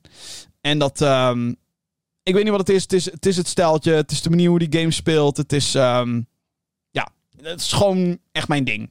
En er is een offline demo is er verschenen van Tekken 8. Komt op uh, eh, 28 januari uit. Zeg ik dat goed? 28 januari of was het 24 januari? Uh, Tekken 8. Tekken 8 release date. Het is 26 januari. Ik zat er helemaal naast. Het uh, zit ertussen. 26 januari op PS5, Xbox Series en PC. En um, er is nu dus een demo beschikbaar. In ieder geval op PS5. Waarin je als vier characters kan spelen: Paul Phoenix, Jin Kazama, uh, Kazuya Mishima en Nina Williams. En uh, op basis daarvan, ik had de game ook gespeeld op Gamescom, maar ik kan alleen maar zeggen, deze game wordt super dope. Dit is, ik, ik kan echt niet wachten om deze game te spelen. Het ziet er prachtig uit, het speelt heerlijk en ik vind dat Tekken uh, de beste balans heeft tussen, um, ja, zal ik het zeggen, tussen easy to learn, hard to master. Uh, button bashen, dat zou je niet meteen aanraden. Er zijn characters die hele makkelijke combo's hebben, waardoor je een beetje een feel kan krijgen uh, hoe sterk een character is. Maar een beetje moves leren, dat, dat, dat hoort er wel een beetje bij. Um, en, maar er zitten diepere lagen in. En hoe je daar als speler, zeg maar, de vrijheid in krijgt om, uh, om daar lekker mee aan de gang te gaan, dat is heerlijk. En Tekken 8 heeft een aantal nieuwe modi, die ook al in de, um, in de demo, waar je een voorproefje van krijgt. Uh, eentje daarvan is een mode genaamd Arcade Quest, waarin je als een beginnende Tekken-speler een arcade binnenloopt en eigenlijk uh, je weg wilt vinden naar de Tekken World Championships. Uh, waardoor je dus allemaal uh, andere mensen moet uitdagen om de rankings te beklimmen met characters. En dat je dan uiteindelijk kan gaan meedoen met dat toernooi. Het is een beetje, ja, een soort Pokémon-vibe kreeg ik ervan. Als in, oh, wij zijn allemaal Pokémon-trainers. Wij hebben Pokémon. Maar nu is het van, wij zijn allemaal Tekken, diehard Tekken-spelers. En wij vinden Tekken te gek. En Tekken 8 is er nu. En dus gaan we... Het, het, het heeft van die chibi-characters. Allemaal, uh, zeg maar, tekstdialogen. Niet, hè, niet baanbrekend of zo, maar wel heel erg grappig dat het erin zit. En daarnaast is er een story mode die een beetje Mortal Kombat achterna gaat. Als het gaat om cutscenes en een groot verhaal, groots neerzetten. En daar dan allemaal gevechten omheen bedenken. En het, uh, de eerste chapter die zit in de demo. En dat is een gigantisch groot anime gevecht tussen Jin en Kazuya. En die uiteindelijk uitmondt tot Devil Jin versus Devil Kazuya. En de fucking straten ontploffen en shit. En het is fantastisch. Het is glorieus. En dit is dan slechts een voorproefje. Ik kan niet wachten op deze game. Tekken 8. Als je überhaupt ooit Tekken-liefhebber bent geweest, dan ga je hier zo hard van genieten. Um, en als je nieuw bent in fighting games, zou ik zeggen, ja, geef Tekken, uh, geef de offline demo een kans. Uh, vind je het niks? Nou ja, dan is er altijd nog Street Fighter of Mortal Kombat. Maar, oh man, Tekken 8, let's go. Ik, uh, ik kan niet wachten. Wat een, de, gameplay is te gek, de graphics zijn zo mooi. Oeh, ik, um, ja, man, Tekken 8, Tekken 8. Ik ben hyped. Ik ben echt hyped voor die game. Het is, het is, oef heerlijk, heerlijk, heerlijk, heerlijk, heerlijk. Ik heb, ik heb zoveel zin om, uh, om zeg maar, oude, maar echt gewoon super old school PlayStation aan de televisie. Chips, bier, hapjes, cola, whatever. Vrienden uitnodigen. Laten we gewoon de hele godganselijke avond Tekken gaan spelen. En dan elkaar uitschelden binnen een half uur. Zo van, ja, hallo, wat, wat is dit? Weet je wel, dat je dat allemaal krijgt. Maar um, ja, dat. Dus heel veel gespeeld uh, de afgelopen week. Er zijn nog zoveel games die ik moet afronden ook qua 2023. Sterker nog, ik denk dat ik heel 2024 zoet kan zijn met de games van 2023 die ik nog moet uitspelen. Of waar ik echt gewoon nog serieus in wil duiken. Het is ontzettend veel. Um, maar dat is ook niet erg, hè. Maar Tekken 8, oh, de game van 2024, let's go. um, zin aan, laat dat duidelijk zijn. Oké. Okay. Zometeen in de Gamer Geeks podcast. Ja, we gaan eindelijk het nieuws induiken. De vreemdste situatie omtrent een game release ooit. Een grote hack die heeft de PlayStation community in zijn greep. En er gaat van alles en nog wat dood. Uh, althans, ja, oké, okay, dat klinkt heel lullig aangezien... Uh, het nieuws rondom uh, James McCaffrey. Uh, nee, um, nou laat ik het dan zo zeggen. Het grootste gaming evenement is dood. En dat is ook heel jammer. Niet zo treurig als James McCaffrey nogmaals, maar ook heel jammer. Goed. Nieuws. Het nieuws van de afgelopen week. En laat ik beginnen. Nou, we beginnen gewoon met een blok PlayStation nieuws. Ik heb deze week ook al een PlayStation video online gezet. Dus let's go. Yukuzo. Uh, ontwikkelstudio Naughty Dog heeft via hun blog aangekondigd dat de ontwikkeling van The Last of Us Online is gestopt en dat het project geannuleerd wordt. Het was de bedoeling dat dit een grote live service game ging worden die zich plaats zou vinden in San Francisco en uiteraard binnen het universum van The Last of Us. Daarnaast diende het project als een spiritueel vervolg op Factions, de multiplayer mode die te vinden is in de originele The Last of Us. Naughty Dog heeft naar schatting zo'n 3,5 jaar gewerkt aan de game. Eerder dit jaar werd door de wandelgangen van de industrie al geroepen dat Bungie The Last of Us on Online had geëvalueerd en vond dat er wat veranderingen plaats moesten vinden. Dit is alleen nooit officieel bevestigd. The Last of Us Online is niet het enige project waar Naughty Dog aan werkt. Ze zeggen meerdere singleplayer games in ontwikkeling te hebben en dat dat ook weer hun focus wordt. Eentje daarvan is ongetwijfeld, maar wederom niet officieel, The Last of Us Part 3. Ja, hoe gaat het eigenlijk met die live service richting van PlayStation? Dit is een super slechte start. Blues hebben Fair Games aangekondigd. Game gemaakt door Haven, een heist game. Uh, The Last was Online was een onderdeel van het live service initiatief. En dan gebeurt dit. Um, dit is echt wel slecht nieuws. ik, ik, ik, ik, ik, ik kan het allemaal nuanceren, maar het is doodzonde dat er dus een ontwikkelteam is geweest. Uh, sterker nog, een van de krachten achter PlayStation. Hè, die, die, die altijd geprezen werden om hun kwaliteit en om wat ze allemaal doen. En uh, het is niet alsof Naughty Dog nooit eerder een multiplayer had ontwikkeld. Ik bedoel, Last of Us 1 had multiplayer. Uncharted 2, 3 en 4 hadden multiplayer. Dus het is, nogmaals, hè, ze hebben er ervaring mee. Um, maar het was interessant om een multiplayer-only live service game van Naughty Dog te krijgen. Ehm, en te zien. En, en wie weet wat het was geworden. We, komen, we gaan er dus nooit achter komen. Want, nou ja, hè, het, het is er niet meer. Het is gecanceld. En ik vraag me oprecht af. Wat, hoe. En dit is met meerdere projecten zo hoor. Hoe kan het dat er games zijn waar jaren aan gewerkt wordt. En dat er uiteindelijk dus. Dat, dat uiteindelijk men tot de conclusie komt. Nee, wij. ehm, we gaan het toch niet doen. In dit geval na drie en een half jaar. Holy hell. Ik kan me namelijk bijna niet voorstellen dat wat The Last of Us Online zou worden, dat het dan gaat om een slechte game. Ik heb geen bewijs, maar ik kan me dat gewoon niet voorstellen. En ehm, ik, ik, ik, vraag me oprecht af wat daar achter de schermen gebeurd is. En ik weet zeker dat we daar informatie over gaan krijgen door middel van journalisten die ehm, ehm, anoniem van ontwikkelaars het verhaal gaan krijgen. Maar het is, wat dat betreft, is de live service, het live service initiatief van PlayStation tot dusver een farce. Hè, PlayStation staat bekend om hoge kwaliteit, met name singleplayer games. Hè, Horizon, The Last of Us, God of War, stuk voor stuk singleplayer. Ehm ja, stuk voor stuk ook van enorm hoge kwaliteit. Uncharted kan je daar ook bij rekenen. Ja, Uncharted had multiplayer, ehm, maar het ging om de singleplayer bij die game. En zeker gezien ze van The Last of Us nu meer willen maken dan alleen maar games. Nou, sterker nog, dat is het al, want er is een HBO-serie. Ik, ehm, ik vind het heel. ehm, ja. Ik vind het heel raar dat dit gebeurt.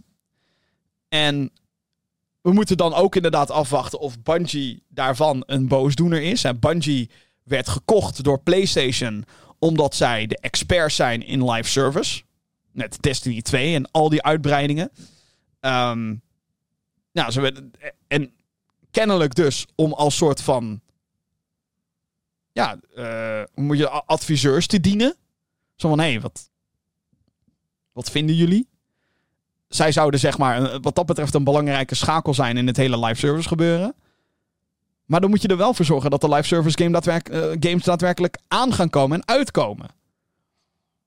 Nou zegt Naughty Dog wel zo van... hé, hey, we nemen de ervaringen mee naar alles wat we in de toekomst gaan doen. Ja, no shit. Maar het is wel dat ik denk... Je had, je had een kans om hier de of Us qua games uit te breiden naar meer. En ja, je moet toch wel echt met, met, een, met een shit product komen, lijkt me. Wil PlayStation zeggen en, en het team van Naughty Dog zeggen van... nou nee, dit moeten we gewoon niet doen.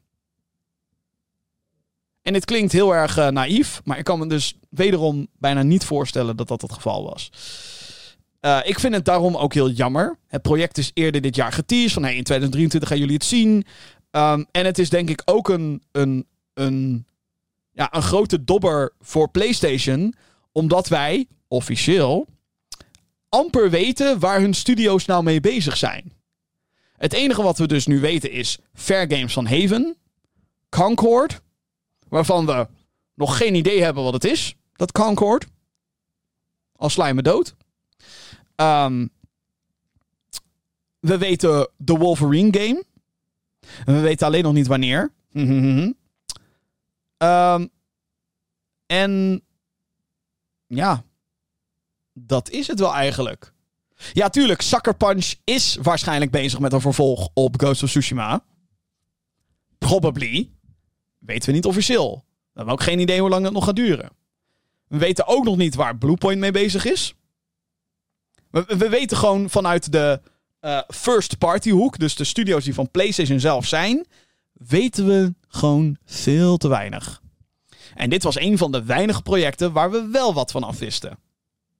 En ik kan me zo voorstellen dat, eh, eh, dat de marketing ehm, afdeling zoiets heeft van, oh, fuck's sake.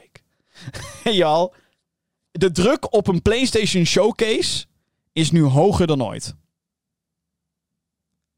En ik, ehm, ja, ik hoop dat ze daar snel mee gaan komen. Ehm, al is het alleen maar voor het zicht, zeg maar. En voor het zelfvertrouwen van PlayStation. En het vertrouwen in PlayStation natuurlijk. Niet dat ze dat per se nodig hebben, want PlayStation gaat ontzettend goed. PlayStation 5 is 50 miljoen keer verkocht. Al. Ehm, gaat nog net niet zo hard als de PS4. Maar gezien PlayStation in feite een gigantische achterstand heeft vanwege uh, de pandemie en het chiptekort. Um, en ook nog eens de, de, de, de inflatie waar we nu middenin zitten. Moet ik zeggen, verdomd indrukwekkend. Nu, nu zou ik nog graag exclusieve games willen die de moeite waard zijn. En met exclusieve games bedoel ik natuurlijk games die over een paar jaar dan ook naar PC komen. Maar dat terzijde. Ja, um, jammer. Vooral omdat Naughty Dog, hoe je het ook bent of keert, een indrukwekkende studio is waar baanbrekende dingen zijn gemaakt. Um, en ik had heel graag willen zien hoe zij een volledige multiplayer game hadden ontwikkeld. Hebben ze dus gedaan, 3,5 jaar lang. Is geannuleerd. Ik baal hiervan. We blijven bij PlayStation. Want er is iets heftigs gebeurd. Bijna 1,7 terabyte aan bestanden gestolen vanuit PlayStation ontwikkelstudio Insomniac Games is gelekt. De studio kan je kennen van Ratchet de Ratchet Clank franchise en van de Marvel Spider-Man games.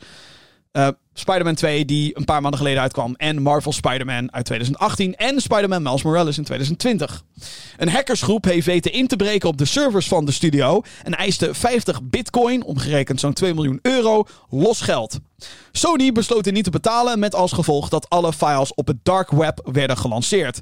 De bestanden bevatten onder andere interne e-mails, documenten en persoonsgegevens. Waaronder dus ook identiteitsbewijzen van oud-werknemers en voice actors. En dat is uh, heel treurig. Um, en dat is kut. Dit, dit is het meest kutste gedeelte van deze hele hack. Dat er dingen over games vrijkomen. Whatever. Ik heb het er graag over. Hè, dat er dan, weet ik veel, een, een e-mail waarin PlayStation zegt: Oh, uh, hey, jullie zijn lekker bezig. Of ik zeg maar wat. Dat is jammer. Als het gaat om de privacy van degene die die games aan het maken zijn, dat is fucking shit. En dat is. Wat dat, ik bedoel, van alle argumenten die je zou kunnen geven van hey Sony betaal dat geld en laat daarna de FBI het verder afhandelen, zeg maar. Hè? 2 miljoen euro. Je moet je ontwikkelaars beschermen. En je zou aan ik snap heel goed het argument dat je vanuit PlayStation zegt: wij gaan geen 2 miljoen euro geven aan criminelen die ons proberen te blackmailen. Sure. Maar dat gewoon je persoonlijke, de persoonlijke gegevens van oud, ook niet, niet alleen werknemers die er nu zitten, maar ook mensen die er niet, niet meer zitten. Die dit nu al, nog als een soort van fucking natrap krijgen. En de mensen die je inhuurt om voor je te werken, dat die nu gevaar lopen. Gevaar is dan even soort van tussen aanhalingstekens, want je weet niet wat mensen met die informatie doen. Maar ze kunnen er kwade dingen mee doen. PlayStation had hier per direct in moeten grijpen. Per direct. En ik heb het vermoeden dat ze dachten: bullshit, dit. Doe maar. Wat kun je ons maken? Dit is een soort van arrogantie die PlayStation niet lekker staat. En die 2 miljoen kunnen ze makkelijk hebben. En er schijnt, je zou kunnen zeggen, ja maar Jim, wat weerhoudt ze er dan alsnog om gewoon alle bestanden te copy-pasten en het gewoon alsnog te bewaren of whatever. Er moet een soort van code of honor zijn omtrent deze hackersgroepen. Want volgens mij gebeurt het best wel regelmatig. Dat techbedrijven, dat daar ingebroken wordt. En dat iemand, weet ik veel, een beeld van een game heeft. Of een patent op een of ander apparaat of whatever. En dat een bedrijf dat gewoon betaalt. En dat ze inderdaad dan de files terugkrijgen. En dat er verder niks mee gebeurt. Vooral ook omdat die hackersgroepen die dit doen. Dit is hun werk. Hè. Dit is letterlijk gewoon: we breken hier en we breken daar en we breken zus in. zijn gewoon beroepscriminelen. Zijn gewoon de wet bandits, de sticky bandits, weet ik veel. Het zijn mensen die, die zijn hier pro in. En op het moment dat je uh, bij een bedrijf gaat zeggen: hé, hey, ik wil losgeld, die betalen ze. En vervolgens release je het alsnog. Dan krijg je nooit meer van welk bedrijf dan ook krijg je geld. En ik zeg niet, ik praat hiermee niet de daad van het jatten van data, praat ik hiermee niet goed. Alles behalve, want dit is gewoon gestolen informatie. Maar dat je als Sony niet gewoon zegt: Oké, wij willen onze medewerkers beschermen, kosten wat het kost. Hier is 2 miljoen, maar we komen je halen. Fair enough. Daar gaat die hackersgroep ook vanuit, I guess. Fair games. dat was een referentie. Ehm, ik vind dat PlayStation dat, dat had, hadden moeten doen. Zeker omdat je ergens toch wel de kennis moet hebben van wat er gejat is. Toch? Dat. Dat wilde ik even gezegd hebben over ehm, de persoonsgegevens die gestolen zijn. Terug naar games. Uh, over de aangekondigde Wolverine game is ook veel vrijgegeven. Waaronder een speelbare alpha-versie van de game voor PC. En gameplay beeldmateriaal. Heel veel mensen denken nu door dit nieuws dat de game naar PC komt. Dat zal ongetwijfeld op een gegeven moment gaan gebeuren. Um, maar dit is waarschijnlijk gewoon om de game te testen en om features te testen en whatever. Dit, is, betekent niet dat dit daadwerkelijk een PC-beeld is van de game. Uh, want consoles tegenwoordig zijn gebouwd als PC's. Het zijn heel erg vergelijkbaar met PC's. Sterker nog, je kan een M.2 schijf in je PlayStation 5 douwen die je ook in een PC kan stoppen. Dus hè, als voorbeeld. Uh, vroeg, vroeger al, als we het dan hebben over PlayStation 3 nog, of uh, nou ja, eh, PS2, GameCube, Xbox, dat was echt compleet andere architectuur. Xbox leek dan nog het meeste op een computer, want Microsoft. Um, maar consoles zijn nu eigenlijk gewoon PC's. Qua architectuur. Althans, het lijkt er heel erg op, laat ik het zo zeggen. Ik, ik, ga niet claimen dat ik alles weet over hardware en wat er binnen een PlayStation zit. Maar ik weet wel dat het er steeds meer op lijkt en dat het daarom ook steeds makkelijker wordt om voor consoles uh, games te maken. Sterker nog, daarom is het ook makkelijk. Tussen aanhalingstekens, nogmaals, want niks is makkelijk. Maar uh, een game op Xbox Series X, PlayStation 5 en PC tegelijkertijd uitbrengen. Dat is meer dan logisch gezien de architectuur van alle drie de platforms. En dan is PC in dit geval nog het lastigste, omdat je daar te maken hebt met een bijna ontelbare varianten aan processors, videokaarten, etc. Maar goed, dat terzijde. Um, gameplay beeld van Wolverine. Ik heb het gezien, of althans, ik heb vijf minuten gezien. Ik heb niet die alpha beeld van PC. Ik ga sowieso niks downloaden van als er ergens gelinkt wordt of zo. Niks downloaden. Zou ik trouwens ook aanraden jou niet doen. Niet iets downloaden, whatever. Uh, maar de beelden zagen er goed uit. Het is echt wat je verwacht. En, en even natuurlijk wel met het is allemaal nog niet af en allemaal heel vroeg. Maar het is inderdaad wat je zou verwachten wat het, uh, de studio achter Spider-Man van een Wolverine zou maken. En dat is denk ik uh, een groot compliment wat je daar aan zou kunnen geven. Uh, maar goed, dat is slechts vijf minuten aan materiaal, waaronder heel veel test footage. Ja, nog lang niet af. Binnen de lekken zitten ook verkoopcijfers van PlayStation games op PC. Hieruit blijkt dat Horizon Zero Dawn het tot dusver het beste heeft gedaan met 3,3 miljoen verkopen. Sackboy A Big Adventure doet het niet goed met slechts 63.000 exemplaren. De cijfers lijken wat ouder te zijn aangezien er geen referentie te vinden is wat betreft The Last of Us op PC die afgelopen maart uitkwam. Uit mijn hoofd, maart. De grootste shocker is een tijdlijn van releases die Insomniac Games op de planning heeft staan. Dit is afkomstig uit een presentatie van afgelopen juli. Dus er zaten ook gewoon PowerPoint-presentaties en weet ik dat allemaal in. Um, let op dat dit onderwerp gevoelig ligt bij veel mensen. Uh, dat ze zoiets hebben van dit nieuws moeten wij niet delen. Want het is gestolen informatie en het is gelekt. En dat is niet cool tegenover de developers. Um, ik heb hier, ik heb in deze kwestie heb ik er een gemengd gevoel over. Want ik zag een aantal mensen, zag ik meteen roepen, hoe durven nieuwswebsites dit, uh, dit, dit, dit nieuws te brengen? Waardoor ik denk, het is nieuws. No shit dat je het moet brengen. Ja, nee, je moet zelf niet die shit online gaan gooien. Als in de presentaties en de afbeeldingen en de beelden zelf moet je niet op je eigen YouTube-kanaal gaan flikkeren en zo. Dat, ik denk dat we dat allemaal wel snappen. Maar waarom mag een nieuwswebsite niet het nieuws behandelen? En daar zit ik dus heel erg mee. Ik wil jou graag het nieuws brengen. Het nieuws wat ik interessant vind binnen gaming. Hè? Dit is de, de Gaming Kicks podcast. Hè? Hetgeen wat, uh, wat uh, interessant is in en rondom de gamingindustrie. Dat is deze podcast. Oh. En daar hoort dit eenmaal bij. Is het cool voor de ontwikkelaars dat het allemaal is gebeurd? Natuurlijk niet. Maar it's out there. En um, ik wil dat wel acknowledged hebben. Dat sommige mensen er een probleem mee hebben dat er informatie gedeeld wordt die gejat is. En wat niet de bedoeling was dat wij dat al meekregen. I get it. Maar, uh, dus ik wil je bij deze waarschuwen dat ik het nu ga hebben over de tijdlijn van de releases die Insomnia Games op de planning heeft staan. Wil je dat nou niet weten? omdat jij het in dit geval niet met mij eens bent. Omdat je eh, vindt, nee, ik, ik wil het ook niet weten, whatever. Skip dan een minuut of, zullen we doen? Vijf, zeven? Ehm, want ik ga, nu gewoon, ik ga nu gewoon die tijdlijn voorlezen. Dus bij deze ben je gewaarschuwd. Oké? Skippen of niet skippen? Het is aan jou. Dat is wel het voordeel van podcast. Je kan altijd skippen, stukjes terugluisteren. Maar vervolgens corrigeren op stomme dingen die ik heb gezegd. Want dat is heel veel gebeurd. Uh, en ongetwijfeld ook al in dit uur. Uh, Oké, ga ik. U zei, het, uh, u zei het gewaarschuwd. De eerste release die op de planning staat is Marvel's Venom. Een tussendeel in de Spider-Man-reeks die te vergelijken valt met de game Spider-Man Miles Morales.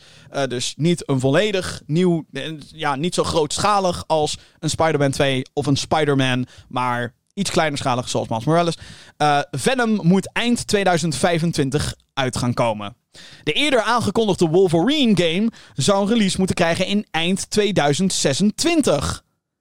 Eind 2028 zou Marvel Spider-Man 3 moeten uitkomen. En een jaar later komt er eindelijk een nieuwe game in de Ratchet Clank franchise. De laatste was Rift Apart, die in 2021 uitkwam. Dus 2021, 2029, dat is acht jaar. In 2030 staat Marvel's X-Men op de planning. En in 2031-32 is Insomniac van plan om een nieuwe IP te lanceren. Dus heel veel Spider-Man, heel veel Marvel. Allereerst, waarom de fuck is Wolverine aangekondigd als het pas eind 2026 uitkomt? Ik bedoel, mensen vonden het al overdreven dat GTA 5. Wauw, we moeten nog twee jaar wachten. Tering. Wolverine is afgelopen jaar aangekondigd en het gaat dus vijf fucking. Nee, dat zeg ik verkeerd. Drie jaar duren, laat, laat maar zitten. Drie jaar is ook heel lang. ik wilde zeggen vijf jaar. Bullshit. Maar drie jaar gaat dat duren? Holy shit, bro. Waarom hebben ze het al aangekondigd? Ze moesten iets van hype hebben, I guess? Je had daar makkelijk mee kunnen wachten. Makkelijk. Helemaal als Venom op de planning staat ook. Oké. Ja. Oké. Um, daarnaast, het is wel echt heel veel Marvel, hè? Ik heb hier gewoon vier Marvel games genoemd. Eén Ratchet Clank game. Eén nieuwe IP.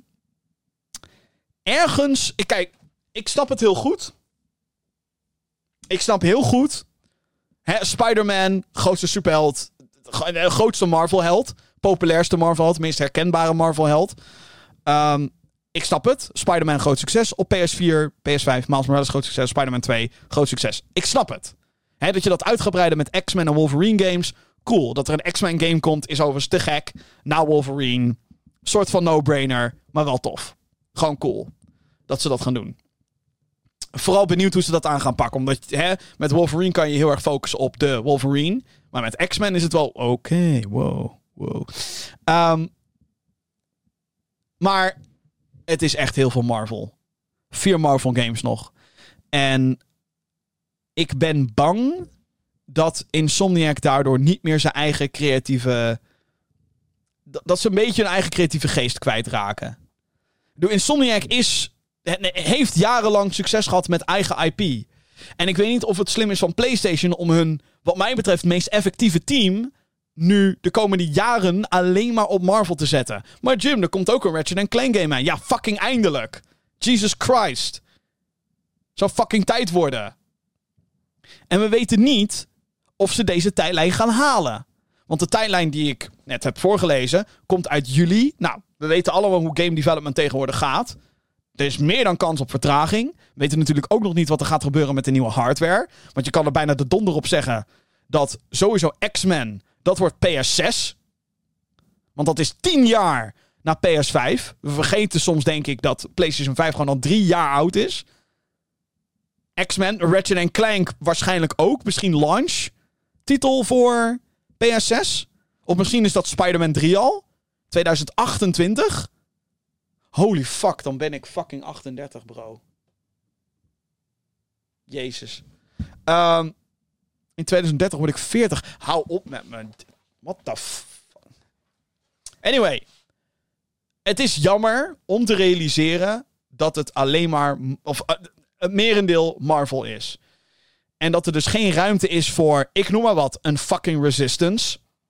Of een kleiner project. Of een, weet je wel, het, het is zo ontzettend gefocust op iets wat. En ik snap het nogmaals, het is populair en het is tof allemaal.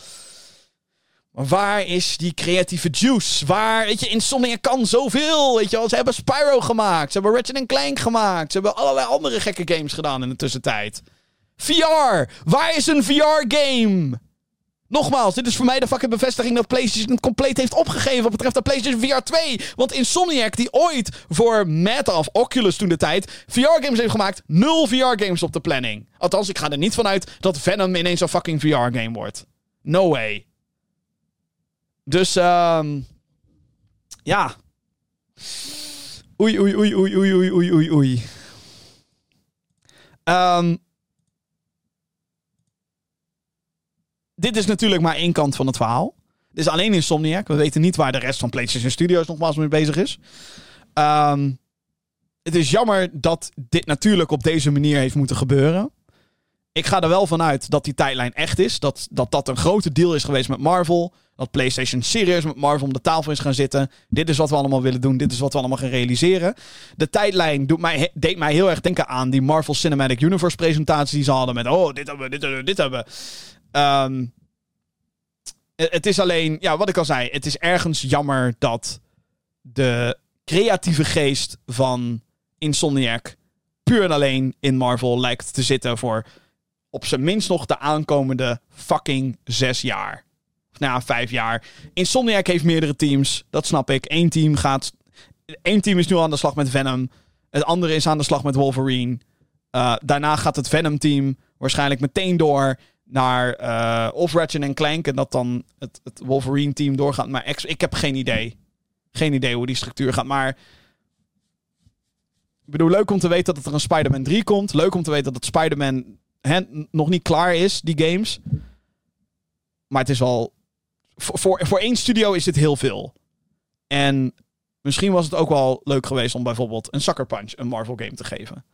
Of een andere studio. Weet ik veel. Ze, ze hebben tering veel studio's. Dus dat is jammer. Goed. Door. Door naar meer nieuws. Uh, en het nieuws van The Day Before. The Day Before is een van de vreemdste videogame verhalen ooit. Dit was zo echt. Wat de fuck was dit project? Oké. Uh, ik ga proberen het uit te leggen. Uh, een aantal jaar geleden werd de game The Day Before aangekondigd als een MMO survival game. Uh, veel mensen waren onder de indruk van de eerste paar trailers. Uh, wat ertoe leidde dat The Day Before de titel was met de meeste wishlists op het PC-platform Steam. Maar vanaf het begin zag The Day Before en de studio Fantastic er al sketchy uit. Een onbekend team die zo goed als niets uh, had uitgebracht. Uh, die kwamen ineens, zonder dat mensen wisten dat ze bestonden, uh, met een prachtige game die er beter uitzag dan menig AAA-project. Vervolgens werd de game een aantal keren uitgesteld en werd er amper iets van gameplay getoond in de tussentijd.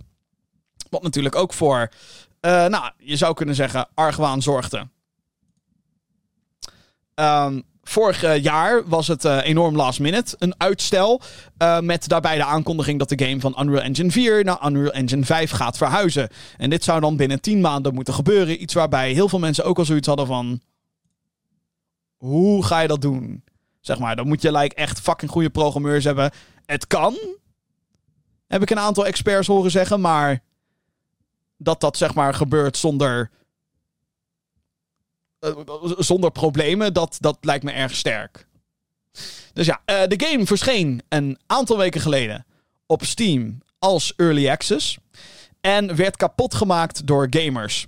Het was, niet, uh, van het was niet hetgeen wat van tevoren was beloofd. Want het is een soort van survival extraction shooter gelo zo, geworden, geloof ik. Uh, die lijkt. Nou ja, laat ik het zo zeggen. Het, speelde als een buggy versie van The Division. Maar dan echt super buggy, unpolished, whatever. Al snel kwam de community er ook achter dat meer dan 90% van de games uh, bestond uit assets die gekocht waren. Dus je kan op verschillende uh, storefronts, zoals de Unreal Engine Store, kan je bijvoorbeeld van iemand heeft dan, ik noem maar wat, een, een een zombie gemaakt. Een 3D-model van een zombie die geïmplementeerd is in Unreal Engine. Die kan jij dan kopen. En dan krijg je ook meteen een soort van eh, het recht om die in je game te gebruiken. Dat ligt er aan per licentie ook en zo. Maar dat kan je dus kopen en dan kan je het zo in je game proppen. Zo van oké, dan heb je die zombie. Of een auto of een, een, een, wagen of uh, kratten. Of, er zijn allerlei van dat soort asset packs. En je zou dus een game in elkaar kunnen zetten. Zoals de day before. Als je gewoon heel veel shit koopt. En dat allemaal in Unreal Engine flikkert. En daar soort van probeert iets. Um, alles met soort van duct tape aan elkaar te plakken. Dat is in feite wat er gebeurd is met The Day Before. Dus bijna niks van de uiteindelijke game is gemaakt door de ontwikkelstudio. Die overigens ook continu uh, beweerde dat ze met vrijwilligers werkten en dat soort shit. Het is sketchy as fuck. Nog geen vier dagen na release kondigde de studio aan dat The Day Before niet meer verkrijgbaar zal zijn op Steam. Uh, dit omdat ze naar eigen zeggen geen geld meer hebben om door te gaan met de ontwikkeling ervan. De game werd meteen van Steam afgehaald dus. En uh, er werden massaal refunds aangevraagd. De social media kanalen van de studio verdwenen ook vrijwel meteen. Daarna is er op de Twitterpagina van The Game, dus de day before, nog wel aangekondigd dat iedereen hun geld terugkrijgt en dat de servers gaan sluiten op 22 januari. Dus dit is de kortste, kortstlevende game die we in tijden hebben gehad. Uh, dit is een fucking vreemd verhaal. En ik denk dat dit een bewuste eh, poging was om mensen te scammen. Te zeggen, weet je wat, we kopen gewoon van alles en nog wat. We kopen die assets pleuren bij elkaar. We zetten een fucking mooie trailer zetten we neer. We zorgen dat we geld steken in een advertentie op Times Square. We, partneren met Nvidia voor raytracing marketing. We allemaal. Dan kunnen we lekker laten zien hoe zogenaamd fucking goed deze game is. En dan pakken we gewoon het geld en dan verdwijnen we. oh, jij brengt je game op Steam uit? Um, ja, weet je, uh, mensen kunnen daar een refund aanvragen. Uh, Steam houdt niet van dit soort bullshit. Hou niet van dit soort kwakzalvers. Hou niet van dit soort zielige mensen. Die, die proberen gamers geld afhandig te maken. En Steam dus ook. Want ja, weet je, Steam wil geld verdienen aan games verkopen op Steam. En als er dan scams opkomen, dat wil Steam natuurlijk niet. En er is ook een prachtig mooi refundbeleid op Steam. Dat als je een game minder dan twee uur hebt gespeeld, dat je gewoon kan zeggen: refund. Uh, dat kan dan komen door de game werkt niet op mijn computer. De game is niet wat het beloofd uh, heeft. Of ik vind de game niet leuk na nou, minder dan twee uur spelen. Dat kan allemaal. Ik denk dat dat een part of the scam is die, waar ze geen rekening mee hadden gehouden. Dus fuck you, fantastic. Fuck you, fucking scammers. En ik heb dit gezegd, jongens, in de Gaming Geeks podcast. Toen dit nieuws naar buiten kwam dat deze game uitgesteld werd vanwege de, het verhuizen van Unreal Engine, zei ik al, jongens. Deze game, ik geloof er geen fuck van dat dit bestaat. Ik geloof er geen fuck van dat dit echt is. Nou, daar had ik dus kennelijk het fout in, want het bestond.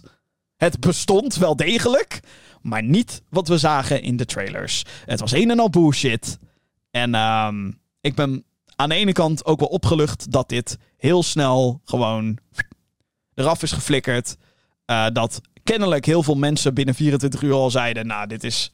Deze game is echt shit. Ik, uh, ik ga dit refunden. Um, ik ben heel blij dat dat gebeurd is. Ik weet dat er.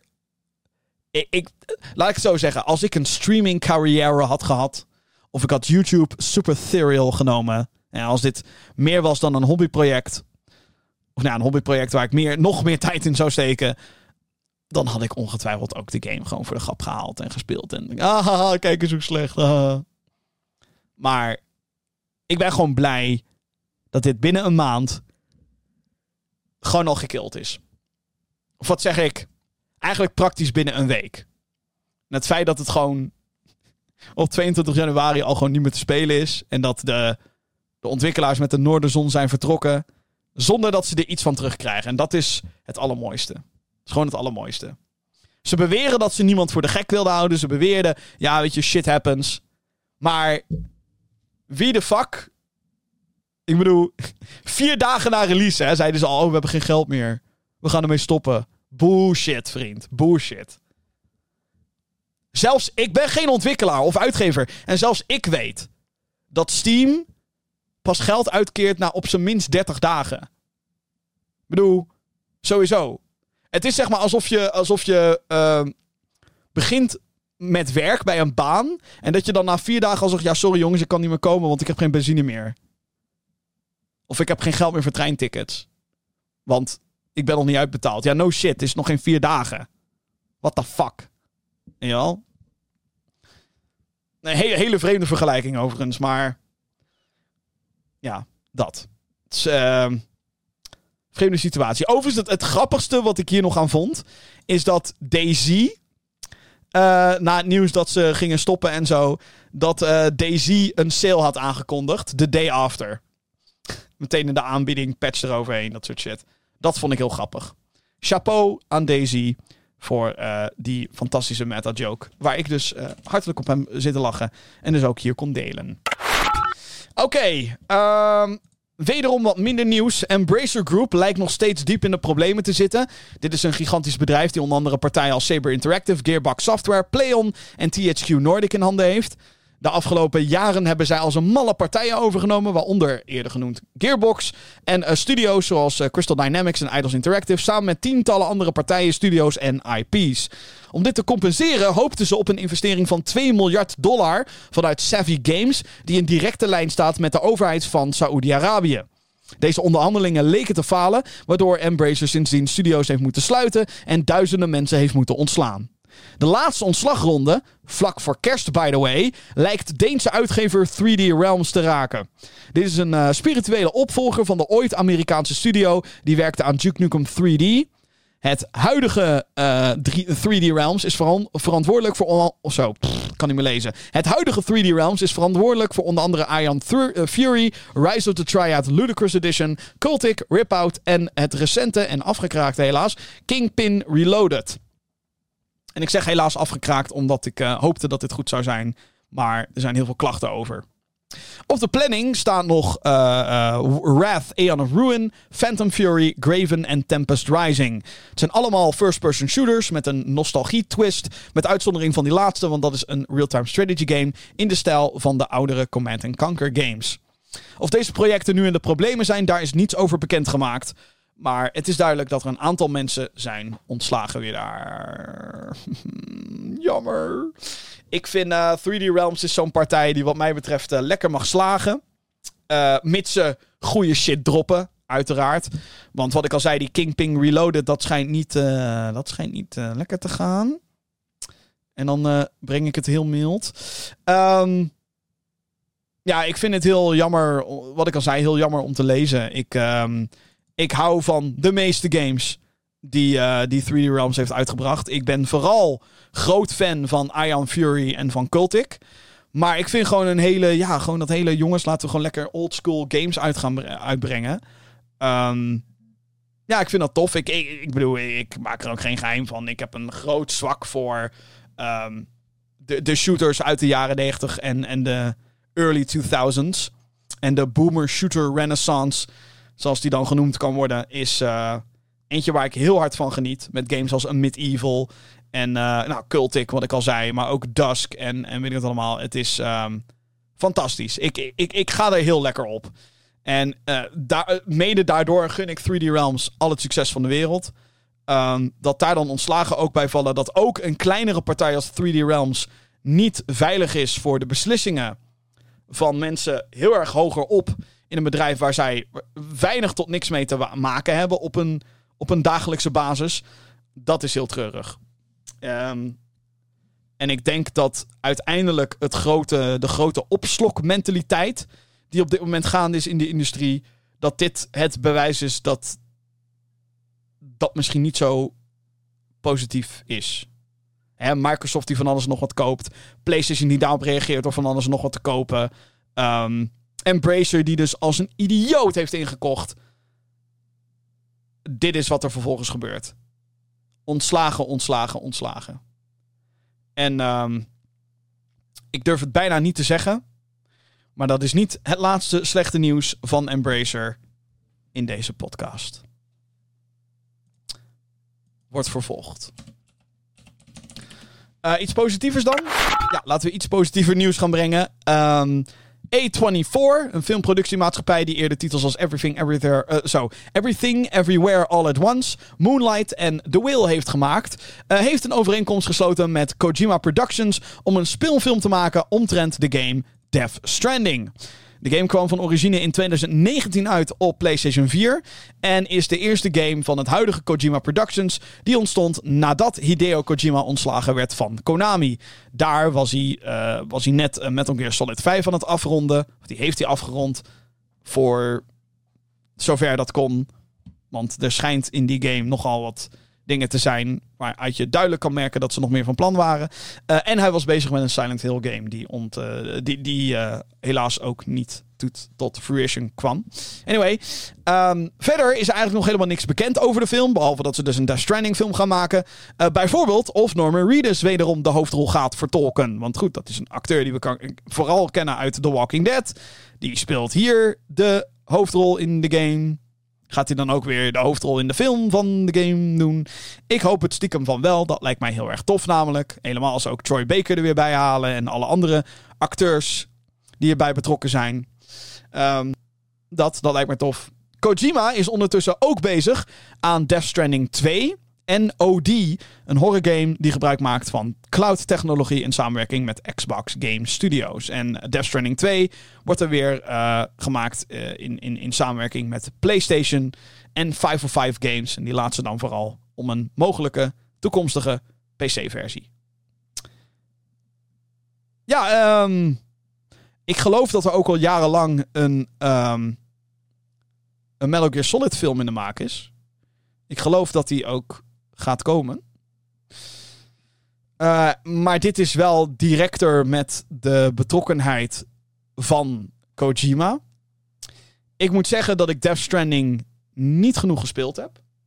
Uh, het kan zijn dat ik um, nog wel heel benieuwd ben naar de game. Ik heb de PS4-versie heb ik liggen van de game. Die heb ik te kort gespeeld om daar een oordeel over te geven. En vooral omdat, nou ja, binnen anderhalf uur wordt er al zoveel verhaal op je afgespuwd dat je denkt, waar gaat het over? En als je dan andere dingen gaat spelen en je bent een paar weken weg en je start daarna de game weer op. Geen idee meer wat hier gebeurde. Zo'n game is het. En het kan zomaar zijn dat ik onlangs in een geld uitgeefbui was en dat ik de PlayStation 5 versie van Death Stranding heb gehaald. Op PS5 dus. De Director's Cut. Um, en ga ik dit ooit nog een keer spelen? Ik hoop het wel. Maar uh, ik zeg het zo ontzettend vaak in deze show. Het is een running joke. Maar ik heb al genoeg te spelen.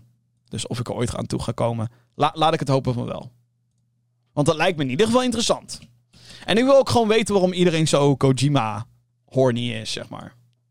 Ik snap het nog niet helemaal. Maar dat komt omdat ik die games dus niet genoeg gespeeld heb. Heb je dan ook geen Metal Gear Solid gespeeld, Jim? Nee. En ik weet wat je zegt. Hoe durf je, hoe durf je. Ja, klopt. Klopt ook wel een klein beetje. Um, dan gaan we weer naar wat uh, minder leuk nieuws. De Electronic uh, Software Association, beter bekend als de ISA, heeft officieel de stekker voorgoed getrokken uit de Electronic Entertainment Expo.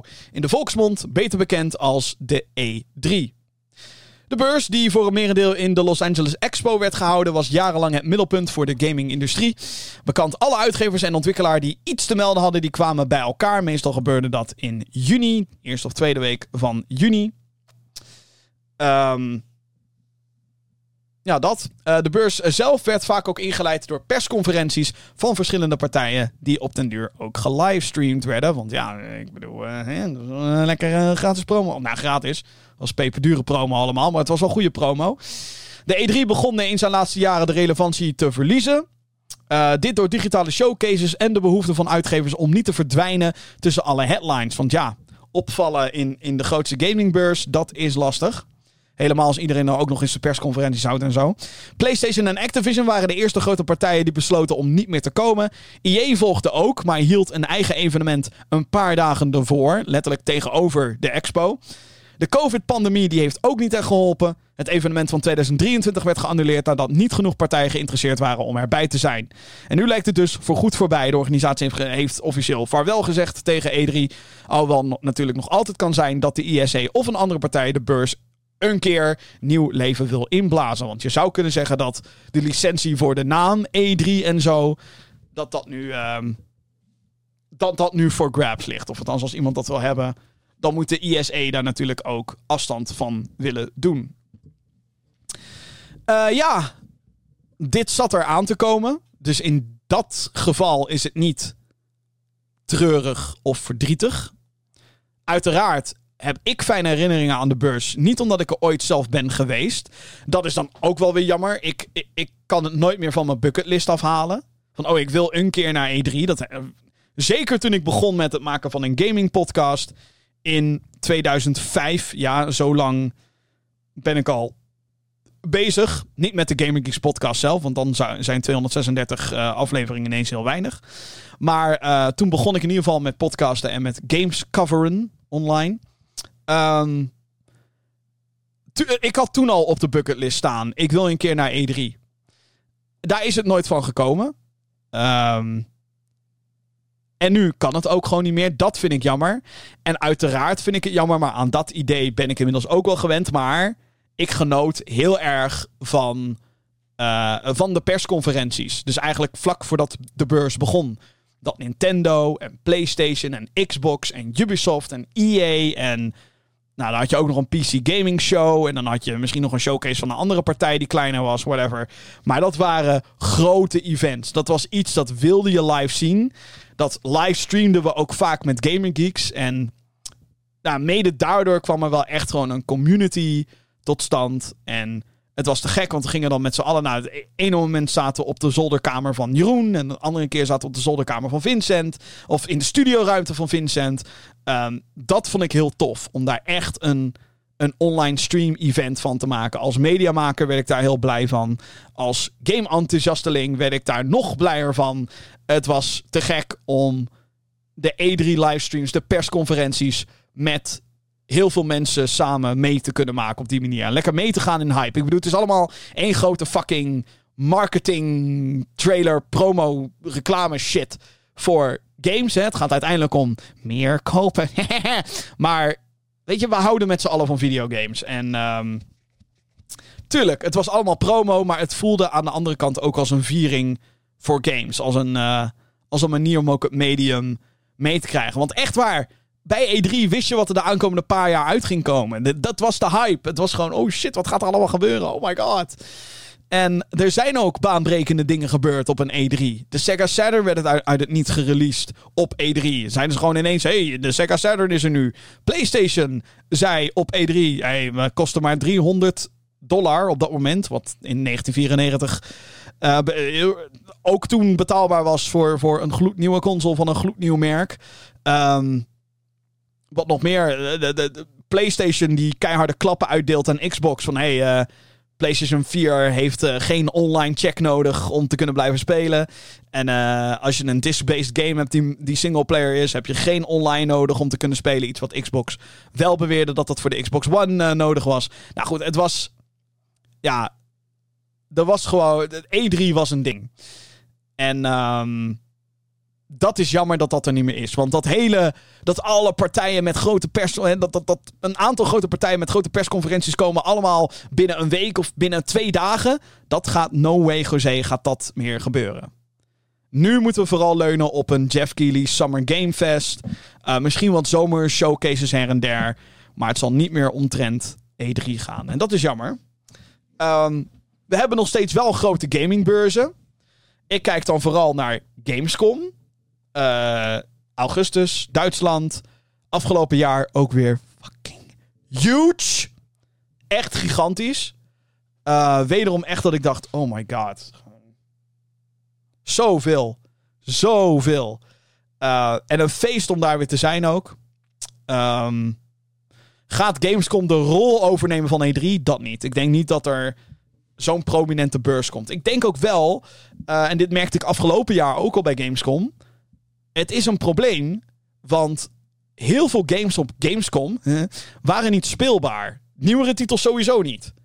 En de reden die ik daarvoor vaak kreeg was, ja, weet je, er was geen E3 hè. Dus hebben we ook geen demo. En het klopt, heel veel Gamescom speelbare dingen op Gamescom waren dingen die vanaf E3 zeg maar overgehemeld werden. En had ik persoonlijk helemaal geen probleem mee, want ik was er niet bij E3. Uh, dus kon ik de dingen spelen op Gamescom. Vond ik allemaal prima. Um, en ik denk niet dat ontwikkelaars slash uitgevers bereid zijn om voor Gamescom demo's in elkaar te zetten. Ook omdat het in elkaar zetten van een demo klinkt weinig werk. Is het in sommige gevallen niet. Helemaal niet als een game nog echt diep, diep, diep in ontwikkeling zit. Dan is het eigenlijk echt zo dat, dat, dat uh, ontwikkelaars al hun werk moeten neerleggen. Om vervolgens. Um, uh, dat je eigenlijk gewoon tegen zegt: hey, leg even alles neer. Alles wat je aan het doen bent, je hele workflow, je hele hè, ding om een hele game in elkaar te zetten. En focus je even op uh, 15 minuten gameplay. Voor like, weet ik veel, een maand. Om, om een goede demo in elkaar te zetten. Want een goede demo zorgt voor goede previews, zorgt voor goede pers, zorgt voor goede hype, hype, hype, hype, hype. Koop, koop, koop, koop, koop. En dat is shit voor ontwikkelaars. En dit zal niet bij elke game het geval zijn. Dit zal niet in elke workflow zo dusdanig storend zijn. Maar je snapt waarschijnlijk wel mijn punt. RIP E3. Um, nou ja, u, u, zult gemist worden. Um, ook al was je eigenlijk niet relevant meer. De afgelopen vier jaar al niet. Dus ja, dat. Ja. Uh, nog wat wat uh, er niet meer is. En hier word ik ook heel sad van en heel boos over. Hier heb ik me eigenlijk wel boos over gemaakt al. Dus zal het ook godsamme geluid. Jezus, Mina. Ik schrik me de pleuren. Sorry. Ik liet jou misschien ook de pleuren schrikken. um, ik ben nou helemaal van mijn apropos. Oh ja, ik had het hier al over. Ja, ja, ja, ja. Nadat er eerder al geruchten waren, uh, lijkt het nu echt waar te zijn. De studio Free Radical sluit zijn deuren. Dit is wederom een studio van Embracer Group. Free Radical staat vooral bekend en was bezig met een Timesplitters game. Een reboot waren ze dan mee bezig. En ze stonden bekend om de eerste drie games. Um, die dus een serie vormden. En die serie was erg populair op PlayStation 2, Xbox en de Nintendo GameCube. Sinds 2021 is de studio onder Embracer heropend om aan de reboot te werken. Maar deze gaat dus niet uitkomen. Het gaat niet gebeuren. Fuck you, Embracer. Fuck, fuck, fuck. Why can't we have nice things like in New Time Splitters? Shit, man. God damn it. Ik weet het, ik heb je al uitgebreid over gerand toen het bericht kwam dat het waarschijnlijk zo was. Nu hebben we de officiële bevestiging. Ontwikkelaars hebben ook concept art en zo online gezet. Van hey, dit is waar we mee bezig waren en ik ben op zoek naar werk. Shit, man. Ik ben, ik ben echt sad. Ik denk dat Timesplitters ook echt een, een moneymaker voor Embracer had kunnen zijn. Maar dat ze gewoon die studio sluiten en het is zo ontzettend triest. Het is zo... Ik baal hier zo van. Ik wil juist dit soort franchises terug. En tuurlijk, het was veel logischer geweest in mijn optiek om eerst te remasteren. Om te zeggen, yo, remaster Timesplitters 1 tot en met 3. 3 heet Future Perfect, by the way. En, en, en, en werk aan een, aan een Timesplitters reboot. Het kan natuurlijk ook zo zijn dat ze daar misschien ook wel mee bezig waren. Of dat een andere partij bezig is met een remaster. En dat Free Radical ondertussen een reboot aan het maken was. Um, dat is dan nog steeds mijn stiekem hoop. Maar dit is wel shit. En ik had stiekem gehoopt dat een andere partij Free Radical zou overnemen en zou zeggen: Geef ons de Timesplitters IP en wij kopen dit van je op. Embracer. Nou, dan heb jij er in ieder geval geen last meer van. Hè? Kunnen wij lekker door. Maar het lijkt erop alsof dat niet gebeurt. Dus misschien gaat dat nog gebeuren. Maar dan moeten mensen wel snel zijn voordat alle oud Free Radical ontwikkelaars nieuw werk hebben gevonden. En ik hoop natuurlijk dat ze snel op hun poten terechtkomen. Want uh, dit is wel shit nieuws om te krijgen in november, december. Vlak voor kerst. Kutzooi. Ja, ik vind, ik vind het kut voor die mensen. En ik vind het ook kut gewoon voor mij. Want uh, ja, weet je, ik zie het nou gewoon oprecht ook niet meer zitten om een fucking PlayStation 2 ergens van zolder af te halen. Uh, zeg ik terwijl ik in een zolderkamer zit. Maar om timesplitters op PS2 te spelen. En, en, en, geef me gewoon een remaster. Geef me op zijn minst een remaster van die shit. Why can't we have nice things, jongens? Omdat Embracer shit besluiten maakt. En dat heeft dus te maken met dit. Free Radical gesloten. Geen timesplitters. Mijn dromen worden kapot gemaakt. Kutzooi. Heb jij een vraag voor de show? Nou. Mail naar podcast.gamergeeks.nl Ja, want daarmee ben ik aan het einde gekomen van deze aflevering van de Gaming Geeks podcast. De vraag van de week. Wat vond je van het jaar 2023 als het gaat om gaming? Wat zijn je favoriete games? Wat, wat vond je er tof aan? Wat vond je er minder leuk aan? Laat het vooral weten eh, op alle mogelijke manieren van commentaar geven. De mail is er dus, podcast.gaminggeeks.nl. Op Spotify kan je de vraag van de week kan je beantwoorden. En in, op YouTube kan je natuurlijk hieronder, ik wijs nu naar onder, heb je als audioluisteraar niks aan. Maar hè, in de comments, je kent het uh, hele riedeltje wel. Uh, dus laat me vooral weten, wat vond jij van het gamingjaar 2023? Wil ik jou bij deze nog hele, hele, hele, hele fijne dagen wensen. Ehm, maak er wat moois van. Als je naar familie toe gaat en zo, naar geliefden. Um, geef ze een ontzettend goede, dikke knuffel. Um, besef, ne neem ook even de tijd om te beseffen dat er dat je ja, gelukkig mag zijn. En um, hè, dat je ook gelukkig. Moet ik het zeggen? Dat je de mensen om je heen moet waarderen. Um, ik um, word op momenten zoals dit herinnerd aan, aan dat mijn moeder in 2020 ineens zei: Kom, laten we gewoon eens een keer foto's maken tijdens uh, kerst. Met elkaar. Dat we bij elkaar zijn en zo. En vier maanden later overleed ze. En dat is onverwachts. En dat was. Uh, daar denk ik eigenlijk elke keer aan terug. Zo van. Maar, wat was het? wat was het achteraf gezien slim? Zeg maar. En het klinkt heel raar om dat te zeggen. Wat was het achteraf gezien slim van mijn moeder om te zeggen: we moeten foto's met elkaar maken tijdens kerst. Want we maakten nooit veel foto's van dingen en zo. Uh, ik zeg nou niet verander je kerstdiner in een grote fotoshoot. Dat is niet wat ik hiermee wil zeggen. Ik wil hiermee zeggen, omhels elkaar, omarm elkaar. Waardeer elkaar. Heb lief. Hè? Fijne kerst, is wat ze dan zeggen. Um, nou goed, geniet van, je, van, de dagen. Uh, mocht ik je niet meer spreken tot het nieuwe jaar. Tot volgend jaar. Uh, ik ga wel kijken of ik nog voor het einde van 2023 een Gaming Geeks podcast kan gaan opnemen. Want ik vind deze show veel te leuk om te maken. En ik... Ja, ik moet dit heel hard gaan afkloppen. Maar het kan bijna niet zijn dat we weer dik vet breaking news gaan krijgen voordat het jaar voorbij is. Maar wat ik al zei, afkloppen, want je weet het maar nooit. Goed, dit was hem. De 236e aflevering van de Gaming Geeks podcast. Hartstikke bedankt voor het luisteren en voor alle support. En ik spreek je heel graag een volgende keer.